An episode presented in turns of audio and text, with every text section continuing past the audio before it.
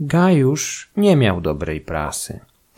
Po śmierci na przemian starano się albo zatrzeć wszelkie ślady jego istnienia, albo przedstawić go w najgorszym możliwym świetle. Już kronikarze działający za jego życia nie byli dla niego zbyt łaskawi. Z kolei relacje Swetoniusza i Kasiusza Diona, sporządzone w przypadku tego pierwszego dziesiątki lat po śmierci cesarza i grubo ponad sto lat w przypadku drugiego, przedstawiają Gajusza jako obłąkanego potwora. Z ich prac dowiemy się o szaleńcu, który uważał się za równego Jupiterowi. Miał pić perły roztopione w occie, utrzymywać kazirodcze związki z siostrami, mordować bez litości wszystkich podejrzanych, najczęściej zresztą niesłusznie, o na jego życie. W międzyczasie trwonił skarb państwa, budując kilkukilometrowe mosty ze statków w Zatoce Neapolitańskiej, zamienił palatyn w burdel, podczas składania ofiar własnoręcznie zabił ofiarnika zamiast przeznaczonego w tym celu wołu. Miał też w zwyczaju porywać żony znanych senatorów, jedną podczas jej wesela. Jakby tego było mało, uwielbiał tańczyć i śpiewać, a nie mogąc znaleźć audytorium, kazał wezwać dostojnych senatorów na obowiązkowe pokazy swojego talentu w samym środku nocy. Jego współcześni odwdzięczyli się mu za te wszystkie szaleństwa i rozboje zamachem i brutalnym mordem, zaś potomni ochrzcili Gajusza znienawidzonym przezeń pseudonimem Caligula, jedynym pod którym jest dzisiaj znany po dwóch tysiącach lat. Ile z tego, co wiemy o upadłym cesarzu jest prawdą, a ile jedynie oszczerstwem i czarną legendą? Dzisiaj postaram się znaleźć odpowiedź na to pytanie. Życie Kaliguli można oczywiście przedstawić parafrazując jego biogramy stworzone głównie przez Swetoniusza i Kasiusza Diona, uzyskując w efekcie historię z pogranicza psychodelicznej komedii, horroru klasy B i niezbyt wyszukanej produkcji pornograficznej, o ile w ogóle są jakieś wyszukane egzemplarze w tym gatunku. W ten sposób nie zbliżymy się jednak ani na krok do zrozumienia mężczyzny, który przez niemal 4 lata pomimo młodego wieku był najpotężniejszym człowiekiem w tej części świata. Aby lepiej zrozumieć jego życie, panowanie i gwałtowny upadek, wyjaśnię krótko jak powstała oraz co oznaczała instytucja Prinkepsa, czy też cesarza, jak zwykliśmy go nazywać obecnie. Następnie pochylimy się nad tragicznymi losami najbliższej rodziny Gajusza, szczególnie jego rodziców oraz rodzeństwa. Uzbrojeni w takie informacje, z pewnością będziemy w stanie spojrzeć z kilku stron na tę wielowymiarową i nieszablonową postać oraz osadzić ją na tle jej czasów i środowiska. Rzymianie nienawidzili królów, a jakikolwiek przejaw ambicji monarchicznych okazany przez któregokolwiek z czołowych polityków mógł skończyć się dlań zaaplikowaniem terapii antymonarchicznej w postaci sztyletu pod żebrami. Każdy zna historię słynnego Juliusza Cezara, który zginął, ponieważ jego dożywotnia dyktatura zbytnio zaczęła pachnieć niepopularnym jedynowładztwem. Źródła rzymskiej niechęci do królów sięgają początków miasta nad Tybrem, gdy władzę sprawować mieli właśnie monarchowie. Według legendy miało być ich siedmiu, chociaż z pewnością jest to liczba symboliczna. Wszelkie źródła pisane, jeżeli jakiekolwiek istniały odnośnie tych zamieszłych czasów, spłonęły podczas najazdu Galów w IV wieku przed naszą erą. Królowie nie reprezentowali równego poziomu. Obok figur wybitnych pojawiały się również godne pożałowania, jak ostatni z szeregu Tarkwiniuszy, Tarkwiniusz Pyszny, którego wygnano z miasta w 509 roku przed naszą erą ze względu na liczne zbrodnie i nadużycia. Rzymianie obiecali sobie nigdy więcej nie oddawać władzy w ręce jednego człowieka. Nastał czas republiki, która była świadkiem niewyobrażalnego wzrostu znaczenia i potęgi Rzymu. Co prawda, wzrost ten nie odbywał się bez sporadycznych, lecz niejednokrotnie spektakularnych klęsk. Żadna z nich jednak nie zdołała zatrzymać ekspansji Rzymian na dłużej aniżeli parę lat. Republika nie była pozbawiona wewnętrznych tarć owocujących napięciami pomiędzy warstwami społecznymi tworzącymi społeczeństwo z antycznego Rzymu.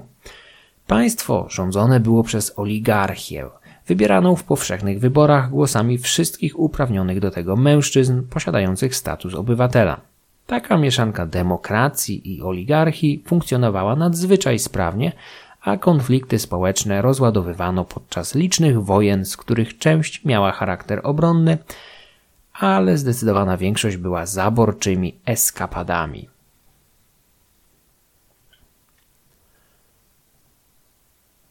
Szczyt świetności Republiki Rzymskiej i narodziny imperium najczęściej umiejscawia się w roku 146 przed naszą erą. Wtedy to po serii wieloletnich wojen Rzymianie bezwzględnie obracają w zgliszcza Kartaginę oraz Korynt. Tym aktom przemocy towarzyszy ostateczna aneksja Macedonii, Grecji oraz Kartaginy. Powstaje imperium rozciągające się już nie tylko w Europie, ambicjami sięgające wschodniego basenu Morza Śródziemnego.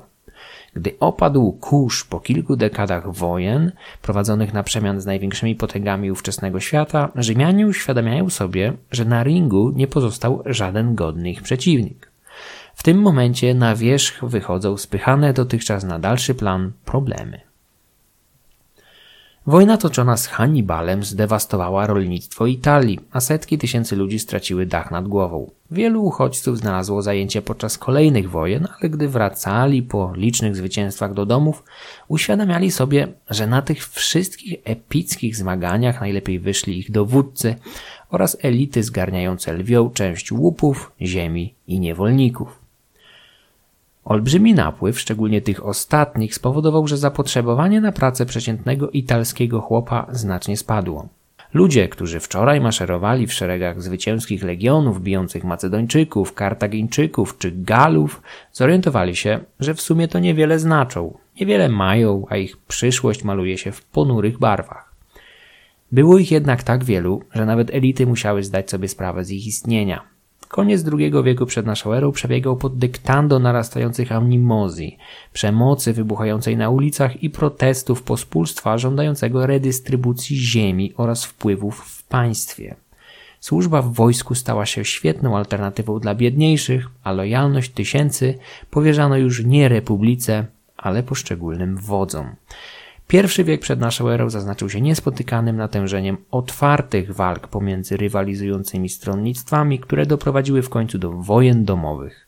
Kolejne dekady były świadkami spektakularnych karier Gajusza Mariusza, Sulli, Juliusza Cezara, Pompejusza, Cycerona czy Crassusa. Republika oficjalnie trwała nadal, nawet wtedy, gdy w 30 roku przed naszą erą młody Oktawian po pokonaniu ostatniego istotnego przeciwnika, Marka Antoniusza, zajmował Egipt. Oktawian, tak jak większość współczesnych mu elit, zdawał sobie sprawę, że republika nie może istnieć w dotychczasowej formie, generującej zbyt wiele konfliktów, prowadzących z kolei do wyniszczających wojen domowych. Znając jednak chorobliwą niechęć do instytucji monarchii, nie można było od tak sobie powołać króla. Oktawian uchwycił pełnię władzy w swoich rękach, a następnie został aktorem. Przez kolejne nieco ponad 40 lat życia bezbłędnie odgrywał rolę pierwszego obywatela, prinkepsa. Senat zrozumiał skąd wieje wiatr historii i dostosował się do nowego stanu rzeczy. Władca udawał, że ma mniej władzy aniżeli było w rzeczywistości jego udziałem, zaś Senat sprawiał odwrotne wrażenie, jakoby miał jej więcej. Teatr trwał w najlepsze kilka dekad. Nie obyło się co prawda bez zamachów na życie nowego władcy, ale finalnie zmarł on z przyczyn naturalnych w wieku 77 lat, sprawnie przekazując władzę swojemu adoptowanemu synowi Tyberiuszowi. Na łożu śmierci Oktawian August miał ironicznie podsumować swoje życie i rządy jako grę, retorycznie prosząc domowników zgromadzonych przy łożu śmierci o szczerą ocenę jego występu. Historycy, dawni i współcześni, słusznie uważają Oktawiana za pierwszego cesarza, ale warto pamiętać, że sam zainteresowany potraktowałby takie tytuły za pomówienia o skłonności absolutystyczne, a znając jego bezwzględność w egzekwowaniu posłuchu, prędko zamknąłby usta każdemu, kto śmiałby się tak go obrazić. Nowy system miał wiele wad. Samo przekazanie władzy było problematyczne i tak naprawdę aż do zgonu aktualnego władcy nie wiadomo było, kto przejmie po nim pałeczkę. Tyberiusz nie miał większych problemów, gdyż Oktawian jeszcze za życia starał się namaścić pasierba na swojego następcę, a na horyzoncie nie było wielu godnych konkurentów. No może za wyjątkiem Germanika, którym zajmiemy się już za chwilę. W tym momencie zbliżamy się do historii najbliższej rodziny naszego dzisiejszego bohatera. Pochylmy się jednak jeszcze nad nowym cesarzem Tyberiuszem. Nie był on biologicznym potomkiem Augusta. Był synem jego żony Livii z jej pierwszego małżeństwa, adoptowanym przez pierwszego cesarza. Rozkazem Augusta jego pasierb z kolei usynowił Germanika, ożenionego z wnuczką Augusta. W ten sposób problem ewentualnej sukcesji po zgonie drugiego cesarza wydawał się rozwiązany. Zresztą sam Tyberiusz miał w zanadrzu także własnego, biologicznego syna Druzusa. Każdy, kto miał jakikolwiek kontakt z historią wczesnego cesarstwa, bądź choćby powieścią Roberta Gravesa, Ja Claudiusz, zdaje sobie sprawę, jak niewiarygodnie pogmatwane było drzewo genealogiczne dynastii julijsko-klaudyjskiej, jaka powstała z połączenia rodów Juliuszów i Klaudiuszów. Oktawian był biologicznym wnukiem siostry Juliusza Cezara, ale zdobywca Galii usynowił go przed śmiercią. Tyberiusz z kolei pochodził z rodu Klaudiuszów, który połączył się z Juliuszami dzięki małżeństwu jego matki, Liwii i Oktawiana. Germanik, ożeniony z wnuczką Augusta, Agrypiną, był ulubieńcem Rzymu. Młody, przystojny, elokwentny generał z CV pełnym sukcesów militarnych odniesionych szczególnie w borach odległej Germanii, w której szukał pomsty za zniszczenie trzech legionów w lesie teutoburskim przed kilkoma laty. To właśnie sukcesy militarne w tej części Europy przyniosły mu tytuł Germanika, pod którym przeszedł do powszechnej historii. Młody dowódca był niemal pod każdym względem przeciwieństwem starszego cesarza sprawującego władzę po zmarłym Oktawianie.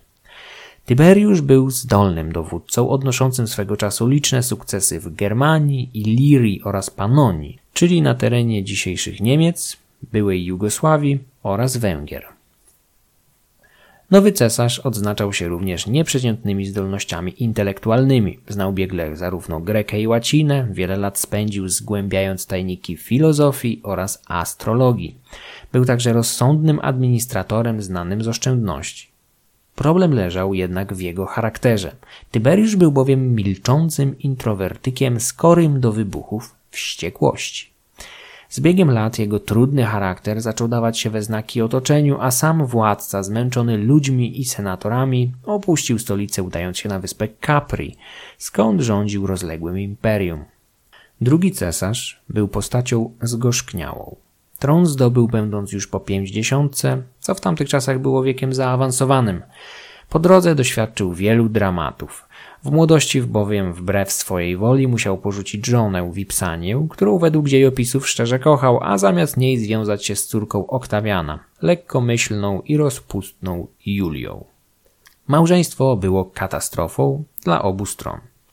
Tyberiusz przeżył kilkuletni okres niełaski i odtrącenia przez niemal wszystkich, miał też podstawy do lękania się o swoje życie. Władzę przyjmował rzekomo niechętnie, chociaż nie wiadomo na ile był to jedynie występ inspirowany przykładem Augusta.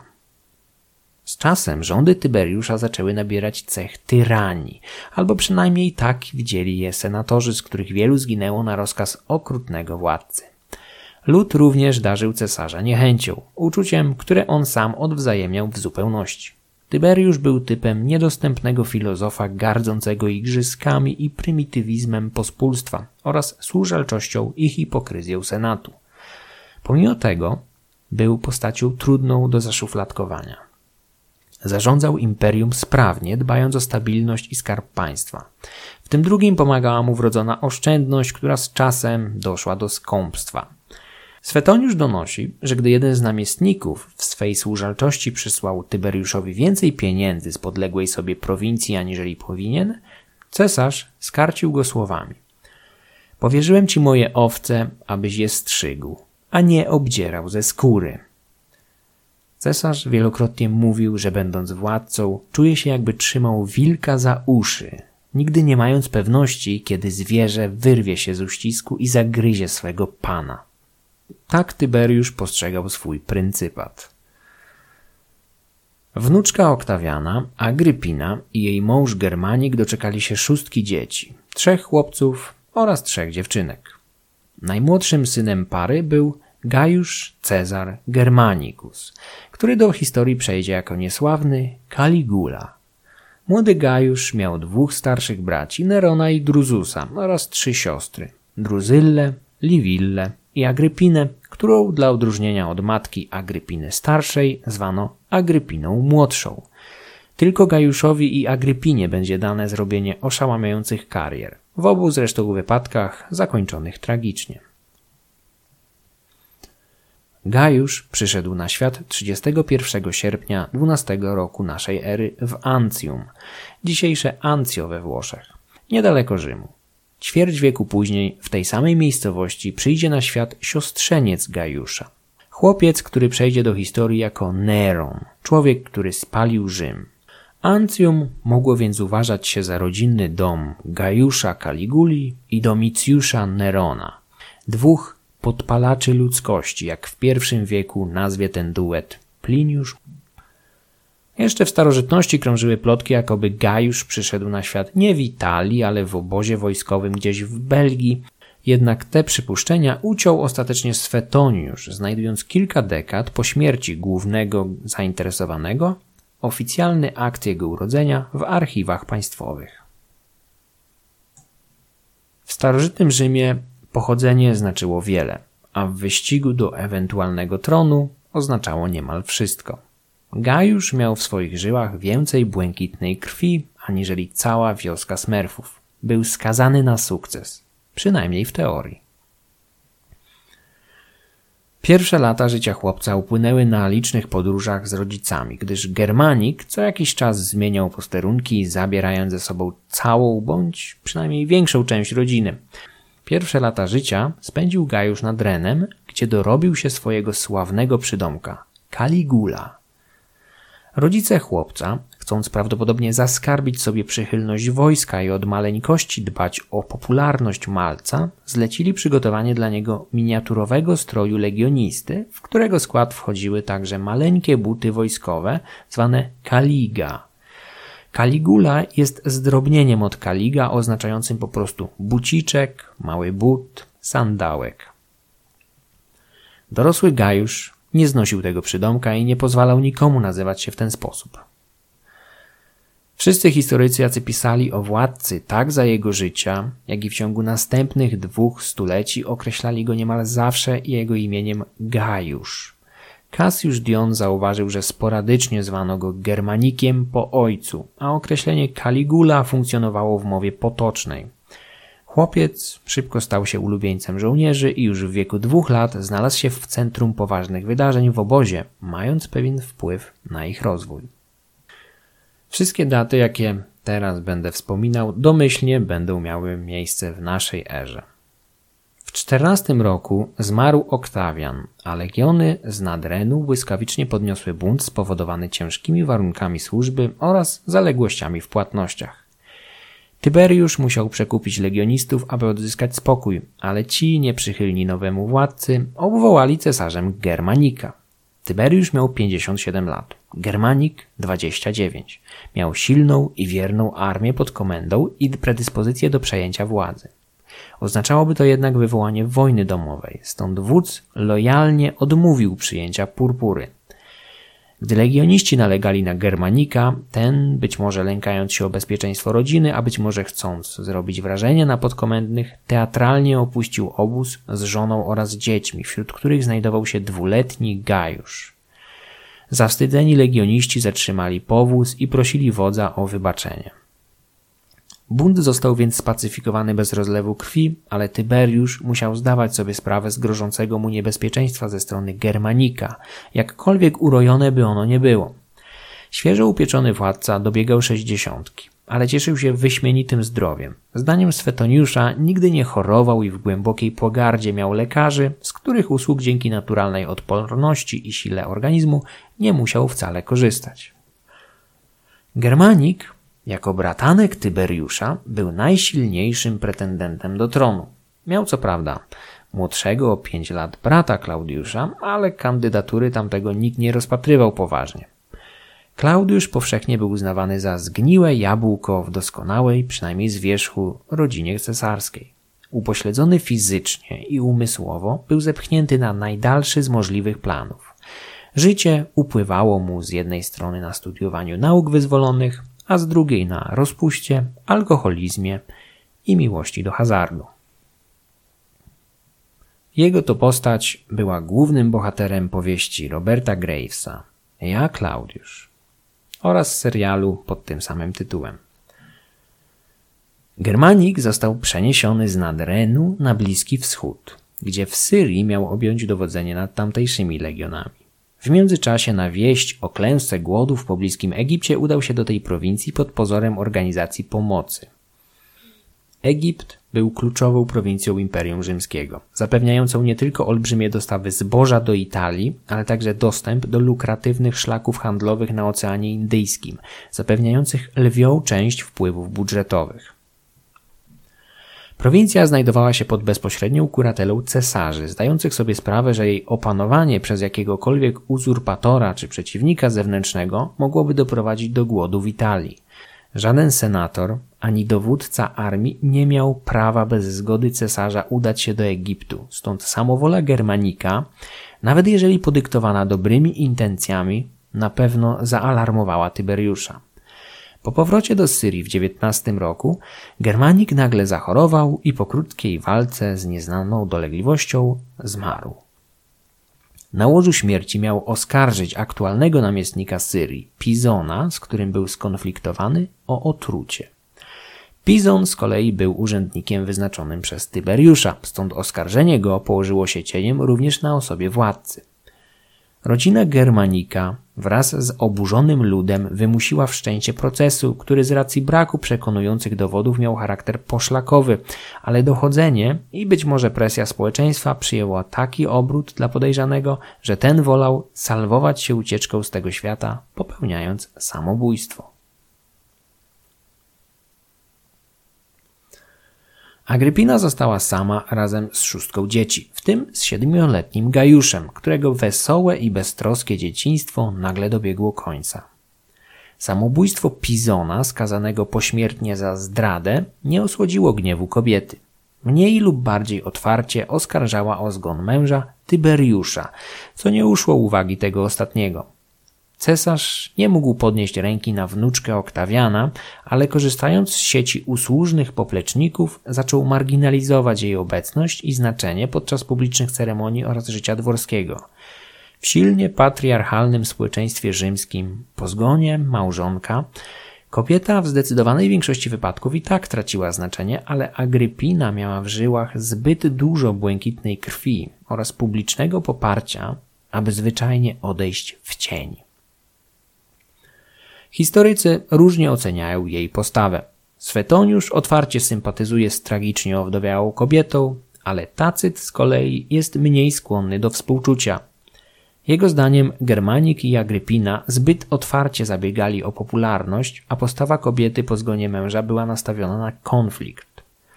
Konflikt, którego nie mogła wygrać, a ryzykowała nie tylko życie swoje, ale również szóstki dzieci. Wydarzenia najbliższych lat miały dowieść, że Agrypina nie była zbyt sprytna, przynajmniej nie na tyle, aby uniknąć intryg i pułapek zastawianych na nią i jej dzieci przez urzędującego cesarza oraz jego popleczników. Oficjalnie ciągle była wnuczką Augusta, wdową po uwielbianym Germaniku i matką szóstki dzieci, z których przynajmniej trzech chłopców było potencjalnymi następcami tronu a i dziewczynki miały olbrzymią wartość na rynku matrymonialnym, nazywając rzeczy po imieniu. Poprzez małżeństwo z nimi potomkowie ważnych rodów senatorskich mogli liczyć na wejście do rodziny cesarskiej, co znacznie przybliżało ich do centrum władzy, a w razie braku męskich spadkobierców zwiększało szanse nawet na zdobycie samego tronu. Póki co w 20 roku ryzyko deficytu mężczyzn zdolnych do objęcia tronu z dynastii panującej nie wydawało się prawdopodobne, ale już za kilkanaście lat Tyberiusz stanie przed widmem braku następców. Trzecia dekada pierwszego stulecia upłynęła w rodzinie julijsko-klaudyjskiej pod znakiem zaostrzającej się wrogości pomiędzy owdowiałą Agrypiną a oficjalną głową rodu, jaką był teraz Tyberiusz. Rzymskie społeczeństwo miało charakter silnego patriarchatu, gdzie najstarszy mężczyzna, głowa rodu, dysponował nawet prawem życia i śmierci nad potomkami. Tiberiusz jeszcze nie sięgnął po takie argumenty, ale skutecznie zablokował Agrypinie wszelkie szanse na kolejne zamążpójście, przez co kobieta musiała pozostawać na marginesie życia politycznego, a do tego pod jego ojcowską władzą. Gdyby wyszła za mąż, przeszłaby pod kuratelę nowego męża, który, korzystając z popularności Agrypiny i jej dzieci, mógłby stać się poważnym zagrożeniem dla starzejącego się cesarza. Warto tutaj poświęcić kilka zdań statusowi prawnemu kobiety w Rzymie pierwszych cesarzy. Do zamąż pójścia młoda kobieta była pod prawną kuratelą ojca. Następnie jako małżonka podlegała mężowi. Wdowy takie jak Agrypina wracały pod opiekę ojca bądź teścia, zaś w przypadku ich braku nawet syna, o ile był dorosły. Rozwódki trafiały z powrotem pod kuratelę ojca bądź syna. Wyjątkowy był status westalek, które znajdowały się pod prawną opieką kapłanów, ale jest to przypadek bardzo rzadki, gdyż samych westalek było zaledwie kilka. Dzieci Agrypiny dorastały w cieniu intryg i konfliktów wewnętrznych, wstrząsających wówczas Rzymem. Tyberiusz z obawy o swe życie, a po części także niechęci do senatu i pospólstwa, opuścił stolicę, pozostawiając pełnię władzy w rękach prefekta pretorium, Sejana, człowieka dowodzącego czymś w rodzaju gwardii przybocznej pierwszych cesarzy. Pretorianie byli odpowiedzialni za utrzymanie porządku w stolicy, w której nie mogły stacjonować legiony regularnej armii. Z czasem ta kilkutysięczna, świetnie opłacana gwardia urosła w znaczenie do tego stopnia, że zaczęła odgrywać poważną rolę w polityce wewnętrznej. Niejednokrotnie pretorianie byli nawet w stanie skutecznie forsować własne kandydatury do cesarskiego tronu, co miało miejsce chociażby w przypadku Klaudiusza. Tyberiusz scedował wiele ze swych uprawnień na Sejana, pochodzącego ze stanu ekwitów, o mniejszym znaczeniu od senatorów, więc nie mogącego marzyć o oficjalnym objęciu najwyższej władzy. Ten bezwzględny, przebiegły i okrutny wykonawca poleceń nieobecnego imperatora szybko stał się najpotężniejszą postacią w stolicy. Knuł własne intrygi, bezkarnie mordował swoich osobistych przeciwników i sprawnie kontrolował dostęp do cesarza. Do dzisiaj nie wiadomo, na ile to Sejan oplątał swoimi sieciami starego Tyberiusza, a na ile sam cesarz przymknął specjalnie oko na jego działania. Wydaje się, że władca wykorzystywał swojego prefekta do prowadzenia bezpardonowej walki z wrogami politycznymi, w tym z rodziną Agrypiny. Dzięki Sejanowi cesarz mógł uchodzić za niewinną ofiarę machinacji rządnego władzy prefekta. W 23 roku zmarł w niewyjaśnionych okolicznościach Druzus, jedyny biologiczny syn Tyberiusza, prawdopodobnie otruty przez swoją małżonkę przy współudziale jej kochanka Sejana. Druzus miał syna, Tyberiusza Gemellusa, ale chłopiec miał zaledwie 4 lata, a prawdopodobieństwo, że zdoła przeżyć wszystkie naturalne i mniej naturalne przeciwieństwa losu, aż do osiągnięcia dorosłości, były wątpliwe. Stary Tyberiusz musiał jednak mieć w zanadrzu kogoś, kto mógłby przejąć po nim tron, stąd był zmuszony zwrócić się do Agrypiny i jej synów. Dwaj najstarsi, Neron i Druzus, przywdziali męskie togi świadczące o ich dorosłości oraz zaczęli być przygotowywani do sprawowania urzędów państwowych, mając w świadomości, że jeden z nich może zostać następcą Tyberiusza. Naturalnie nie było im dane spełnić tych marzeń. Dodam w tym miejscu, że Neron, o którym mówię, nie jest naturalnie tym słynnym Neronem z Quo Vadis, tym, który miał według popularnej legendy spalić Rzym. Neron, syn Agrypiny i zarazem brat Caliguli, był wujkiem przyszłego Nerona. W dynastii julijsko-klaudyjskiej występował trend do nadawania dzieciom imion po wujkach, dziadkach czy innych znacznych przodkach, stąd całkiem sporo tam Gajuszy, Tyberiuszy, Gruzusów czy Neronów. Młodzieńców szybko otoczyła siatka szpiegów Sejana, skwapliwie notująca każde podejrzane słowo, gest, czyn. Wielu z ich służących, niewolników czy wyzwoleńców po pracy donosiło agentom Sejana. Podobnie wyglądała sytuacja z przyjaciółmi, a nawet małżonkami młodzieńców. Tacyt zanotował, że sami bracia również nie darzyli się sympatią i widzieli w sobie przeciwników do tronu. Młodszy Druzus chętnie podjął współpracę z bezwzględnym prefektem celem obalenia starszego brata. Gdy Neron razem z Agrypiną zostali zesłani na bezludne wulkaniczne wyspy na Morzu Tyreńskim, Sejan wziął się za Druzusa, a ten w kilka lat po swoim bracie podzielił jego los, z tym, że zamiast odludnej wyspy znalazł się w lochach Palatynu. Neron zmarł zagłodzony bądź zabity przez oprawców Tyberiusza. Agrypina już podczas pojmania straciła oko w walce z pretorianami Sejana. Po kilku latach uwięzienia na skalistej wysepce Pandatari, dzisiejsze Ventotene, zagłodziła się. Tyberiusz do końca nalegał na karmienie jej siłą. Po pozbyciu się Agrypiny oraz jej dwóch najstarszych synów, Tyberiusz w 31 roku strącił Sejana z piedestału. Prefekt był zbyt potężny i powszechnie znienawidzony. Cesarz musiał wreszcie zdać sobie z tego sprawę. Upadając pociągnął za sobą setki przyjaciół, klientów i powleczników, ale w pierwszej kolejności życie straciła jego rodzina. Była żona popełniła samobójstwo, a trójkę dzieci zamordowano. W świetle prawa córka Sejana z racji niepełnoletności nie mogła zostać zabita. To też pretorianie znaleźli sposób, aby światło prawa na chwilę zgasić. Mianowicie zgwałcili dziewczynkę, czyniąc ją w ten sposób w ich zdaniu kobietą, a następnie ścieli. Jej równie niepełnoletni brat musiał symbolicznie przywdziać męską togę, czyniącą go dorosłym, po czym podzielił los siostry.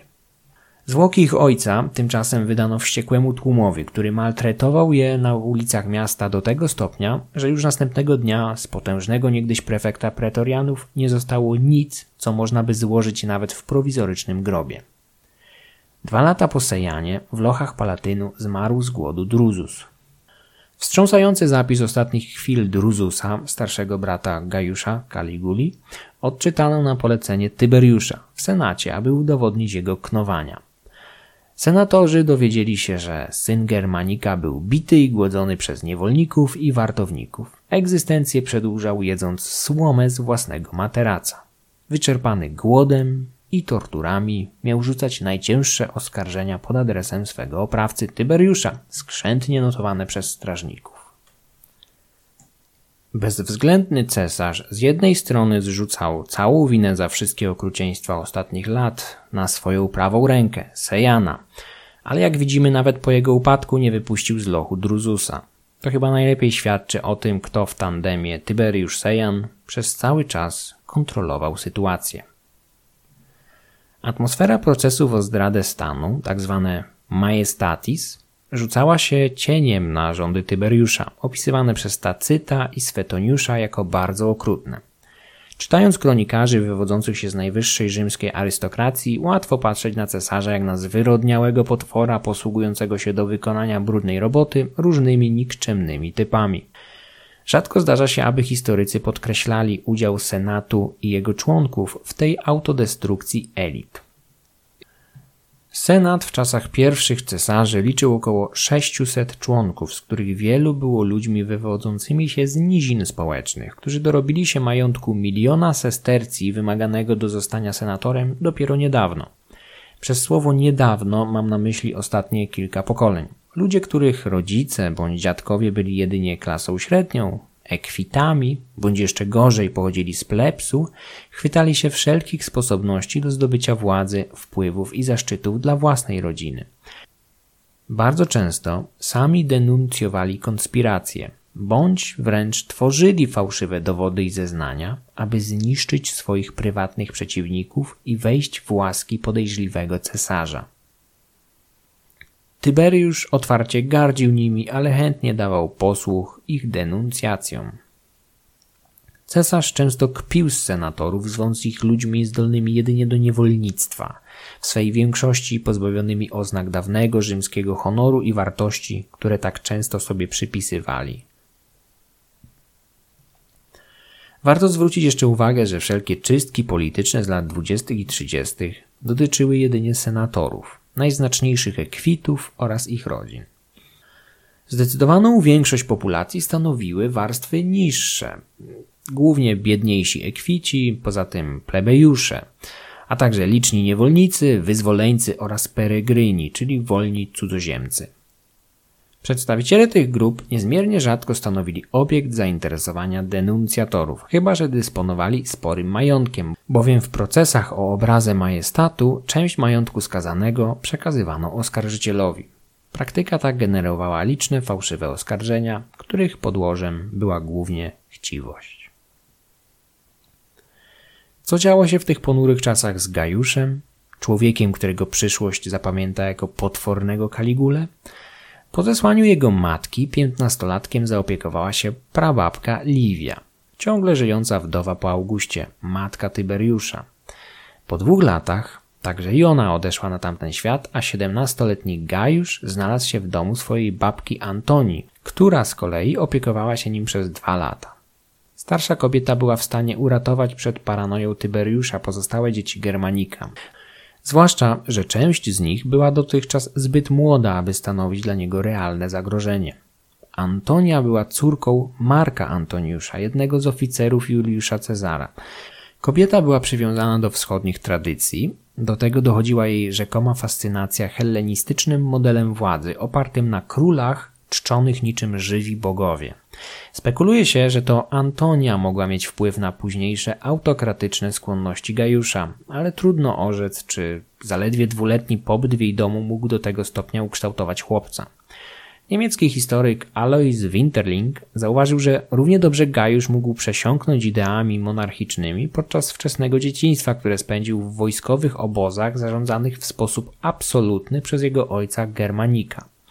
Gdyby chłopiec wychowywał się z matką w Rzymie, a nie w obozach nad Renem czy w Syrii, być może w pierwszych siedmiu latach życia kształtowałby się w innym kierunku.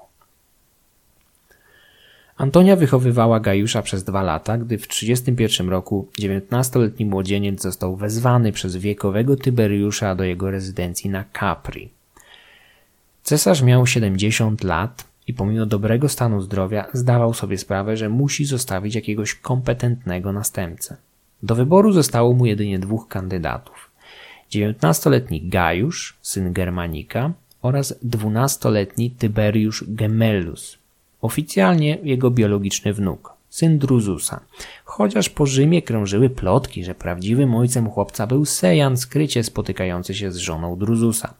Mogły to być jednak jedynie złośliwe plotki rozsiewane później przez głównego konkurenta Gemellusa, Gajusza, syna Germanika. Wezwanie na Capri mogło oznaczać wyniesienie do najwyższych zaszczytów bądź okrutną śmierć. Tyberiusz żył w odosobnieniu, które sprzyjało powstawaniu sensacyjnych historii, których obszerny przegląd znajdziemy u Swetoniusza. Dość rzec, że Gajusz miał spędzić sześć kolejnych lat pod bezpośrednią kuratelą starca, który był bezpośrednio odpowiedzialny za zesłanie i okrutną śmierć jego matki oraz dwóch braci. Mógł też ponosić odpowiedzialność za gwałtowny i niewyjaśniony koniec jego ojca. Pobyt na Capri najdokładniej opisał Swetoniusz, ale jego relacja pisana kilka dekad po faktach nosi znamiona wyolbrzymiania. Zdaniem historyka Tyberiusz miał z wiekiem coraz głębiej pogrążać się w zwyrodniałej dekadencji nacechowanej głównie stosunkami z młodymi chłopcami i dziewczętami. Wisienką na torcie są opisy igraszek w basenie, w którym młodzi nadzy chłopcy mieli pływać razem z Tyberiuszem i delikatnie łaskotać go po genitaliach. Ciężkie było życie cesarza. Ale po pracy należy się zasłużony odpoczynek, a w ramach tego zwyrodniały władca miał urządzać na wyspie liczne procesy i egzekucje setek osób podejrzanych o czyhanie na jego jakże cenne życie. Młody Gajusz z kolei, zdaniem Swetoniusza, miał błyskawicznie odnaleźć się w nowej rzeczywistości sprzyjającej naturalnym predyspozycjom jego zwyrodniałego charakteru – Kronikarz notuje, że Gajusz z lubością przyglądał się torturom i politycznym mordom, a w międzyczasie oddawał się wyuzdanej rozpuście w pałacu bądź incognito w burdelach na wyspie lub pobliskim wybrzeżu. Ile z tego jest prawdą? Prawdopodobnie niewiele. Filon Aleksandryjski, żyjący w czasach Gajusza, a także spotykający się z nim dwukrotnie podczas swoich poselstw, Podkreślał, że pobyt na Capri był raczej skromny i pełen rygorów dnia codziennego. Miał on stać w olbrzymim kontraście do późniejszego bogactwa i możliwości, jakie dał Gajuszowi niemal czteroletni pryncypat. Przede wszystkim na Capri nigdy nie odnaleziono ani śladu po tych setkach ofiar politycznych mordów, jakie miały skończyć tam życie, chociaż należy brać pod uwagę, że ofiary mogły być zrzucane ze stromych klifów do morza. Wtedy prawdopodobnie nie znaleźlibyśmy nigdy ich ciał. Łopata archeologa nigdy nie odkopała na wyspie niczego, co można by interpretować jako lupanar, Sam zaś pomysł, że przyszły potencjalny następca tronu, śledzony na każdym kroku przez szpicli Tyberiusza, żyjący na Capri w luksusowym więzieniu, miałby pod przebraniem błąkać się nocami po burdelach brzmi nieprawdopodobnie. Wyspa ma niewiele ponad 10 km kwadratowych, a w starożytności znaczną część zajmowały cesarskie wille i kompleksy wypoczynkowe. Tyberiusz uciekł tam, aby znaleźć się w bezpiecznej odległości od tłumów stolicy. Nie dlatego, aby oddawać się pederastii, ale aby uniknąć zamachów. Zamiłowanie do nocnych eskapad po lupanarach Rzymu przypisywano Neronowi już po zdobyciu przezeń władzy. Plotki towarzyszące Neronowi prawdopodobnie po jego śmierci zaczęły jednak żyć swoim życiem i przylgnęły do jego niesławnego wuja. To, na co mógł sobie pozwolić młody, nastoletni cesarz Neron, nie było w zasięgu ręki jego wuja, w praktyce więzionego przez podejrzliwego Tyberiusza na Capri. Warto jeszcze dodać, że Gajusz znał los swoich starszych braci, z których Druzus jeszcze żył, gdy dziewiętnastolatek został wezwany przez Tyberiusza na wyspę. Młodzieniec wiedział, że jego postępowanie musi być nieposzlakowane. Każde słowo, gest czy nawet wyraz twarzy zdradzający niepożądane emocje mógłby zostać zauważony, zanotowany i przekazany tam, gdzie trzeba. Tacyt zauważył, że liczne w Rzymie pod rządami Sejana i Tyberiusza procesy o zdradę stanu owocowały stosami zwłok torturowanych oskarżonych oraz ich rodzin, mężczyzn, kobiet, czasem nawet dzieci. Ich ciała bardzo często wrzucano prosto do Tybru, jak to było w zwyczaju robić ze zdrajcami bądź najgorszymi przestępcami. Historyk wyraźnie zaznacza, że w tamtych czasach publiczne opłakiwanie bądź jakiekolwiek okazywanie uczuć wobec zamordowanych w tego typu dochodzeniach członków rodziny czy przyjaciół było postępowaniem nierozsądnym albo wręcz niebezpiecznym. Jeżeli podczas sześciu lat spędzonych na Capri młody Gajusz faktycznie byłby świadkiem procesów, tortur bądź egzekucji, na pewno wiedziałby jak się zachować. W końcu nie bez powodu zdołał jakoś przeżyć okrutnego Tyberiusza w przeciwieństwie do matki i starszych braci. Tacyt otwarcie piętnuje rzekomą hipokryzję przyszłego cesarza, który do perfekcji opanował ukrywanie emocji, myśli i uczuć. Historyk stosuje podwójne standardy. Z jednej strony piętnując jego matkę i braci za brak rozsądku, wybuchowość i zrzucanie wyzwania Tyberiuszowi, po czym karci Gajusza za przyjęcie zupełnie odmiennej taktyki. Prawdopodobnie pochwaliłby całą rodzinę jedynie gdyby popełniła zbiorowe samobójstwo w stylu archaicznych, praworządnych przodków. Cóż, łatwo jest oceniać innych, gdy tworzy się w spokojniejszych czasach.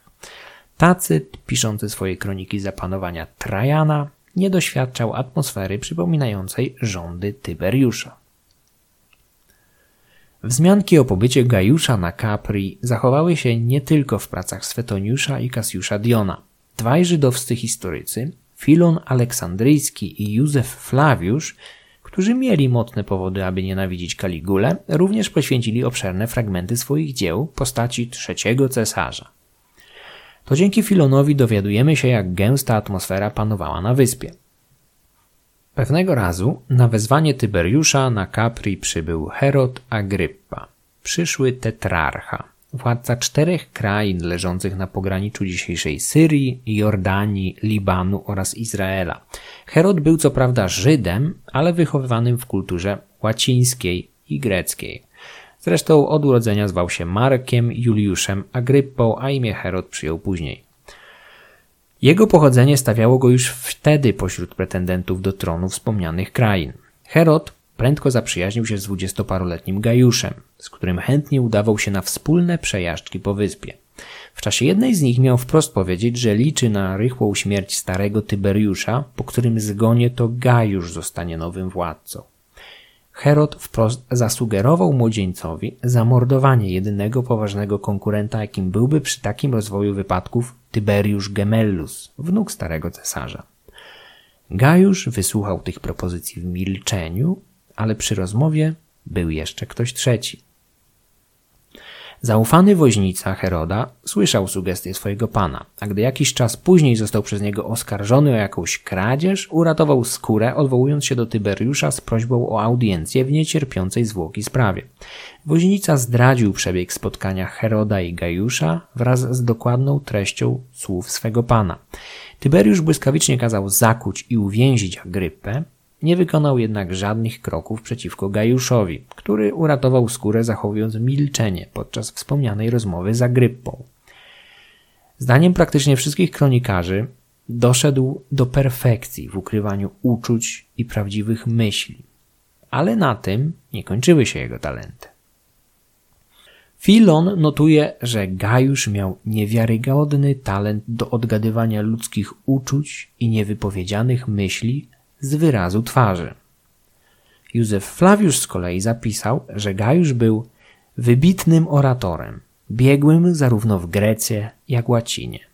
Potrafił z łatwością improwizować przemowy, które innym przychodziły z trudnością, nawet jeżeli mieli dużo czasu na ich przygotowanie.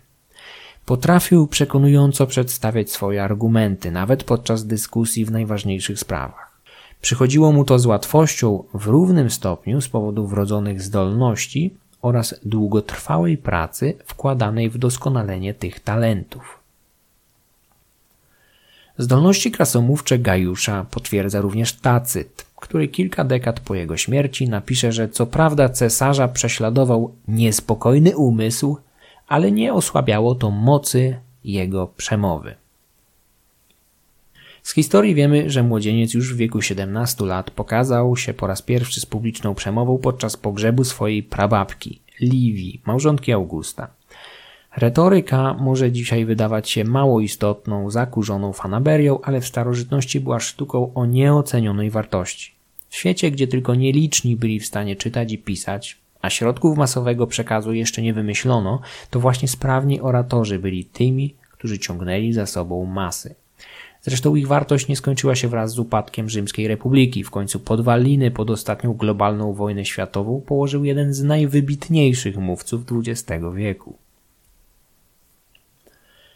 Nie samą retoryką żył jednak nasz drogi Gajusz. Józef Flawiusz zanotował, że Gajusz, jako wnuk brata Tyberiusza, był pod wielkim naciskiem na poświęcenie się nauce – zwłaszcza ze względu na wybitne osiągnięcia samego Tyberiusza w tej dziedzinie. Gajusz naśladował go w jego pasjach, posłuszny nakazom swego władcy i członka rodziny. I tutaj być może dochodzimy do znacznie bliższej wersji codzienności panującej na niesławnej wyspie Tyberiusza. Sam cesarz od młodości był zafascynowany grecką filozofią i do późnej starości dużo czasu poświęcał edukacji. Wśród swoich kompanów miał grupę wybitnych nauczycieli, którzy spotykali się z nim celem luźnych dyskusji dotyczących nowych lektur cesarza. Pedagodzy konkurowali ze sobą o względy i uznanie władcy, a jeden z nich uciekł się wręcz do przekupywania cesarskich niewolników, którzy zawczasu mieli informować go o nowych lekturach Tyberiusza, tak aby ten mógł się lepiej przygotować do dyskusji i błyszczeć erudycją.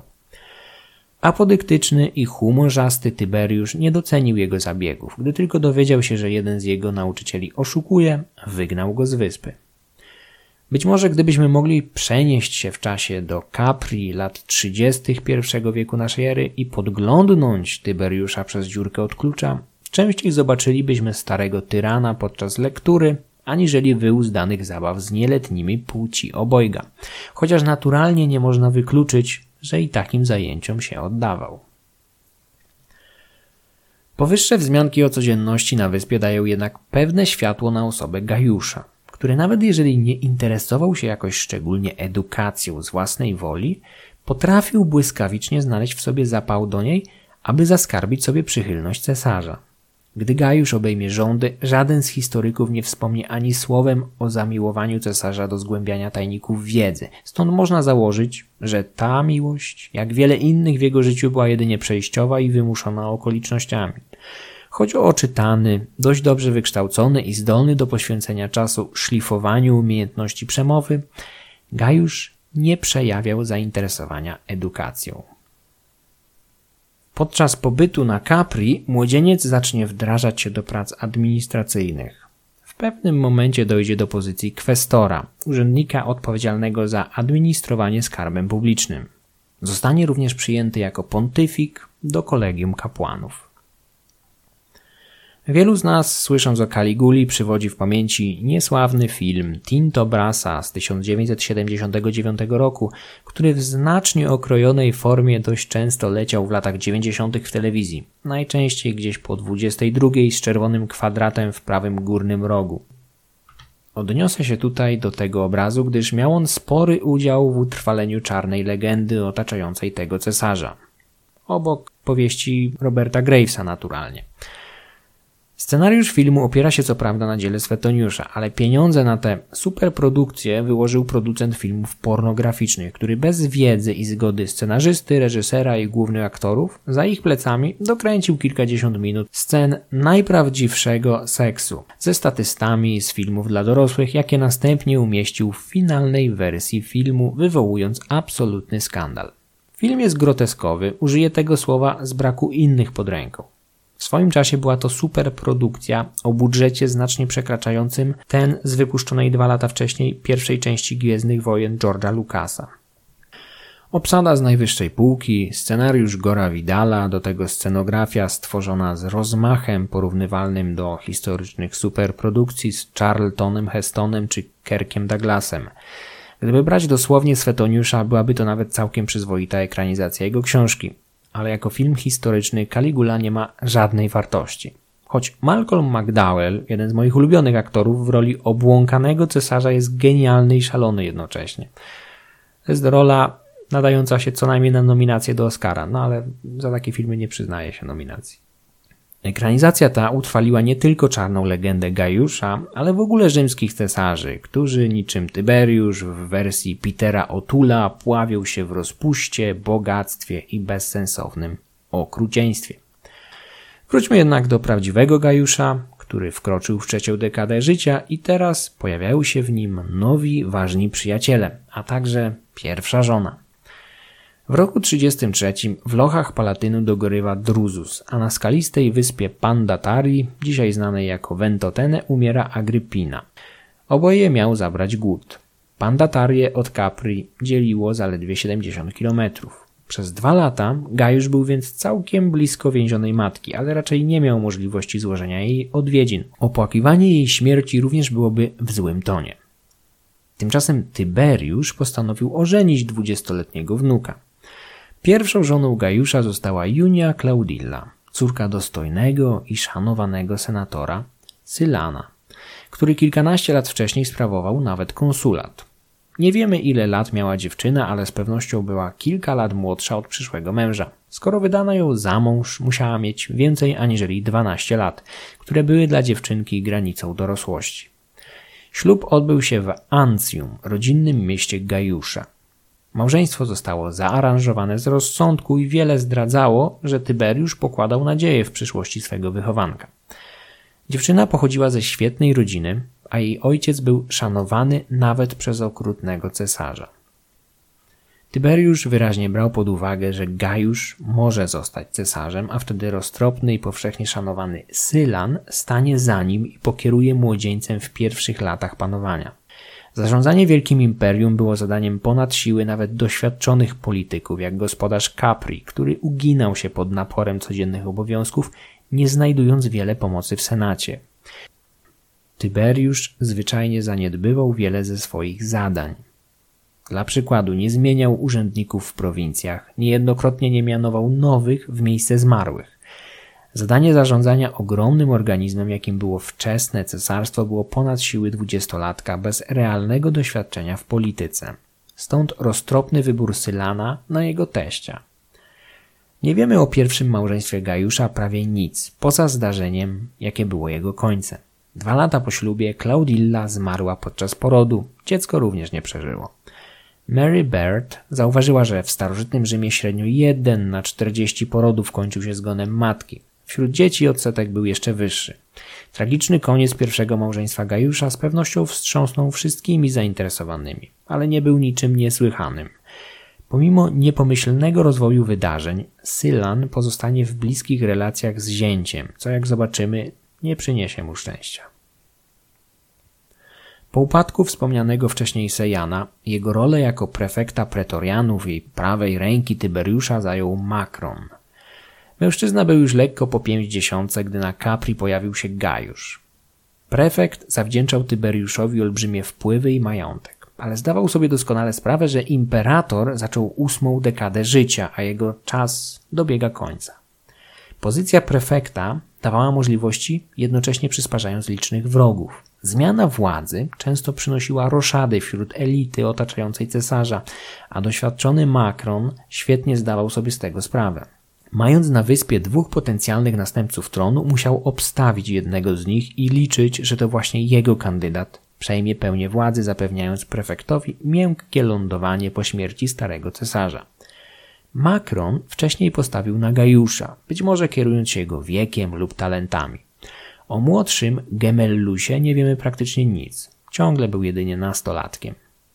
Prefekt spędzał większość czasu w Rzymie, ale często pojawiał się na Capri osobiście, bądź delegując tam swoją małżonkę, Enię. Kobieta była znacznie młodsza od swojego męża i mogła być w wieku Gajusza, a bliskość relacji obojga dała szansę narodzin plotkom o ich wspólnym romansie. Późniejsi kronikarze wymyślali liczne wersje zdarzeń, w których Enia uwiodła Gajusza albo Gajusz Enię. Macron miał z kolei to niczym nie wiedzieć, to przyzwalać na zdradę licząc na późniejsze zyski. Gajusz miał nawet obiecać kochance pozycję cesarzowej, o ile ona sama pomoże mu wdrapać się na tron. Obietnica miała być poświadczona na piśmie. W tym morzu przypuszczeń ten ostatni element brzmi zupełnie nieprawdopodobnie. Ciężko bowiem wyobrazić sobie, że tak przezorny i skryty człowiek jak Caligula miałby pisemnie podpisywać się pod dokumentem, który w razie wyjawienia ujawniłby jego intrygi. W takiej sytuacji młodzieniec mógłby podzielić los matki i starszych braci. Tyberiusz był nieobliczalnym, wybuchowym człowiekiem obdarzonym ogromną przenikliwością. Na pewno podejrzewał istnienie wielu potajemnych sieci intryg, jakie oplatały jego dwór, ale co innego podejrzewać, a co innego mieć na to dowód. Rzym epoki pierwszych prinkepsów był miejscem, w którym wyjątkowo dbano o utrzymywanie pozorów. Enia i Macron aktywnie i ochoczo współpracowali z potencjalnym następcą tronu. Wiele wskazuje, że wspierał ich w tym również Sylan, teść Gajusza. Filon wielokrotnie podkreślał wpływ, jaki mieli obaj starsi mężczyźni, szczególnie Macron, na wczesną karierę przyszłego cesarza. Prefekt wielokrotnie miał ratować skórę, a być może i życie swego podopiecznego, wdrażać go w zwyczaje i upodobania Tyberiusza, ostrzegać przed szpiegami, a także powoli urabiać władcę w kierunku Kaliguli. Filon podkreślał, że Macron odmalowywał przed cesarzem jak najlepszy obraz Gajusza, bezustannie przedstawiając go jako towarzyskiego, opanowanego oraz godnego zaufania. Stary cesarz miał dostrzegać przewrotność syna Germanika, jego niedoskonale maskowaną zmienność nastrojów i wybuchowość. Tyberiusz skrycie lękał się także o życie jedynego wnuka Gemellusa, któremu mogła grozić śmierć z ręki Gajusza. Macron zapewniał starca, że jest w błędzie, a obaj chłopcy darzą się sympatią i nie powinno dojść między nimi do rozlewu krwi. Przyszłość miała jednak przekreślić nadzieję starca. Chociaż z drugiej strony być może przejrzał charakter obu następców, nauczony doświadczeniami własnego, długiego życia, przewidział przyszłość i ustąpił przed koniecznością zrezygnowany. Tacyt przekazał nam poruszającą scenę, jaka miała mieć miejsce pewnego razu na Capri. Tyberiusz trzymał w ramionach Gemellusa, obok nich stał Gajusz. Cesarz miał spojrzeć na Kaligulę ze łzami w oczach, mówiąc Ty zabijesz jego, a ktoś inny zabije ciebie.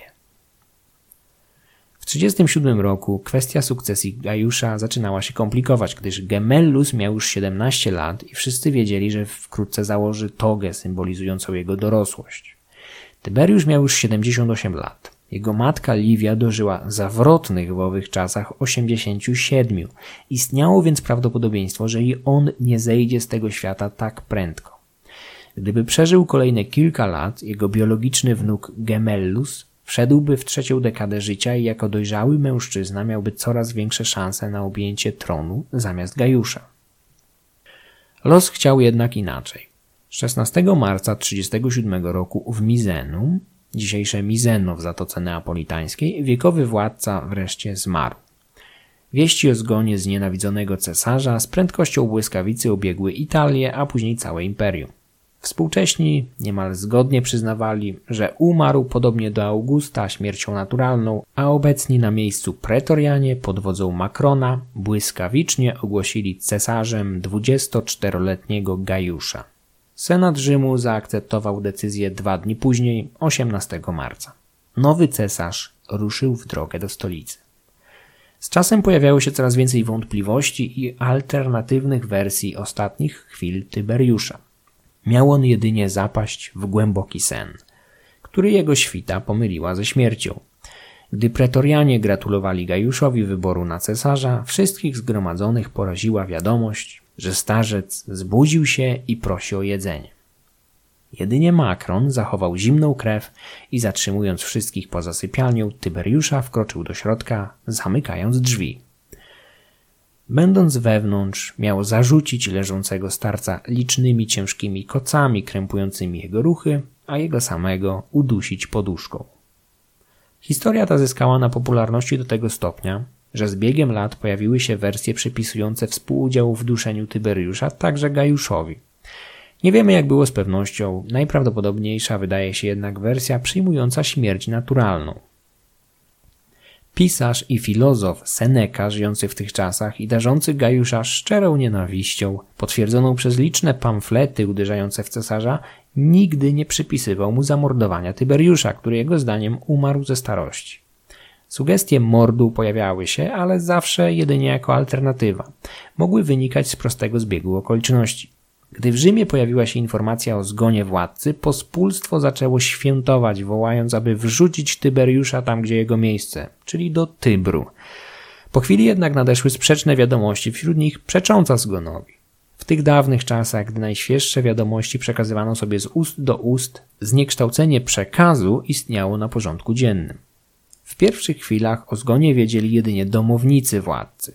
Pewne informacje rozchodziły się najpierw wśród kręgów najbliższych grupie trzymającej władzę, a pospólstwo borykało się z mało wiarygodnymi, zniekształconymi i często sprzecznymi wiadomościami. Taki stan rzeczy rodził później równie sprzeczne wersje wydarzeń. Ulubionym cytatem starego Tyberiusza miał być podobno fragment Bellerofonta, tragedii autorstwa Eurypidesa. Z moją śmiercią zgiń ziemio w płomieniach. Przebiegły mizantrop nie mógł wybrać sobie lepszego życzenia, bowiem na swojego następcę wybrał podpalacza ludzkości. 18 marca 1937 roku tląca się żagiew pod postacią młodego Gajusza ruszyła w kierunku Rzymu, aby zasiąść na tronie Cezarów.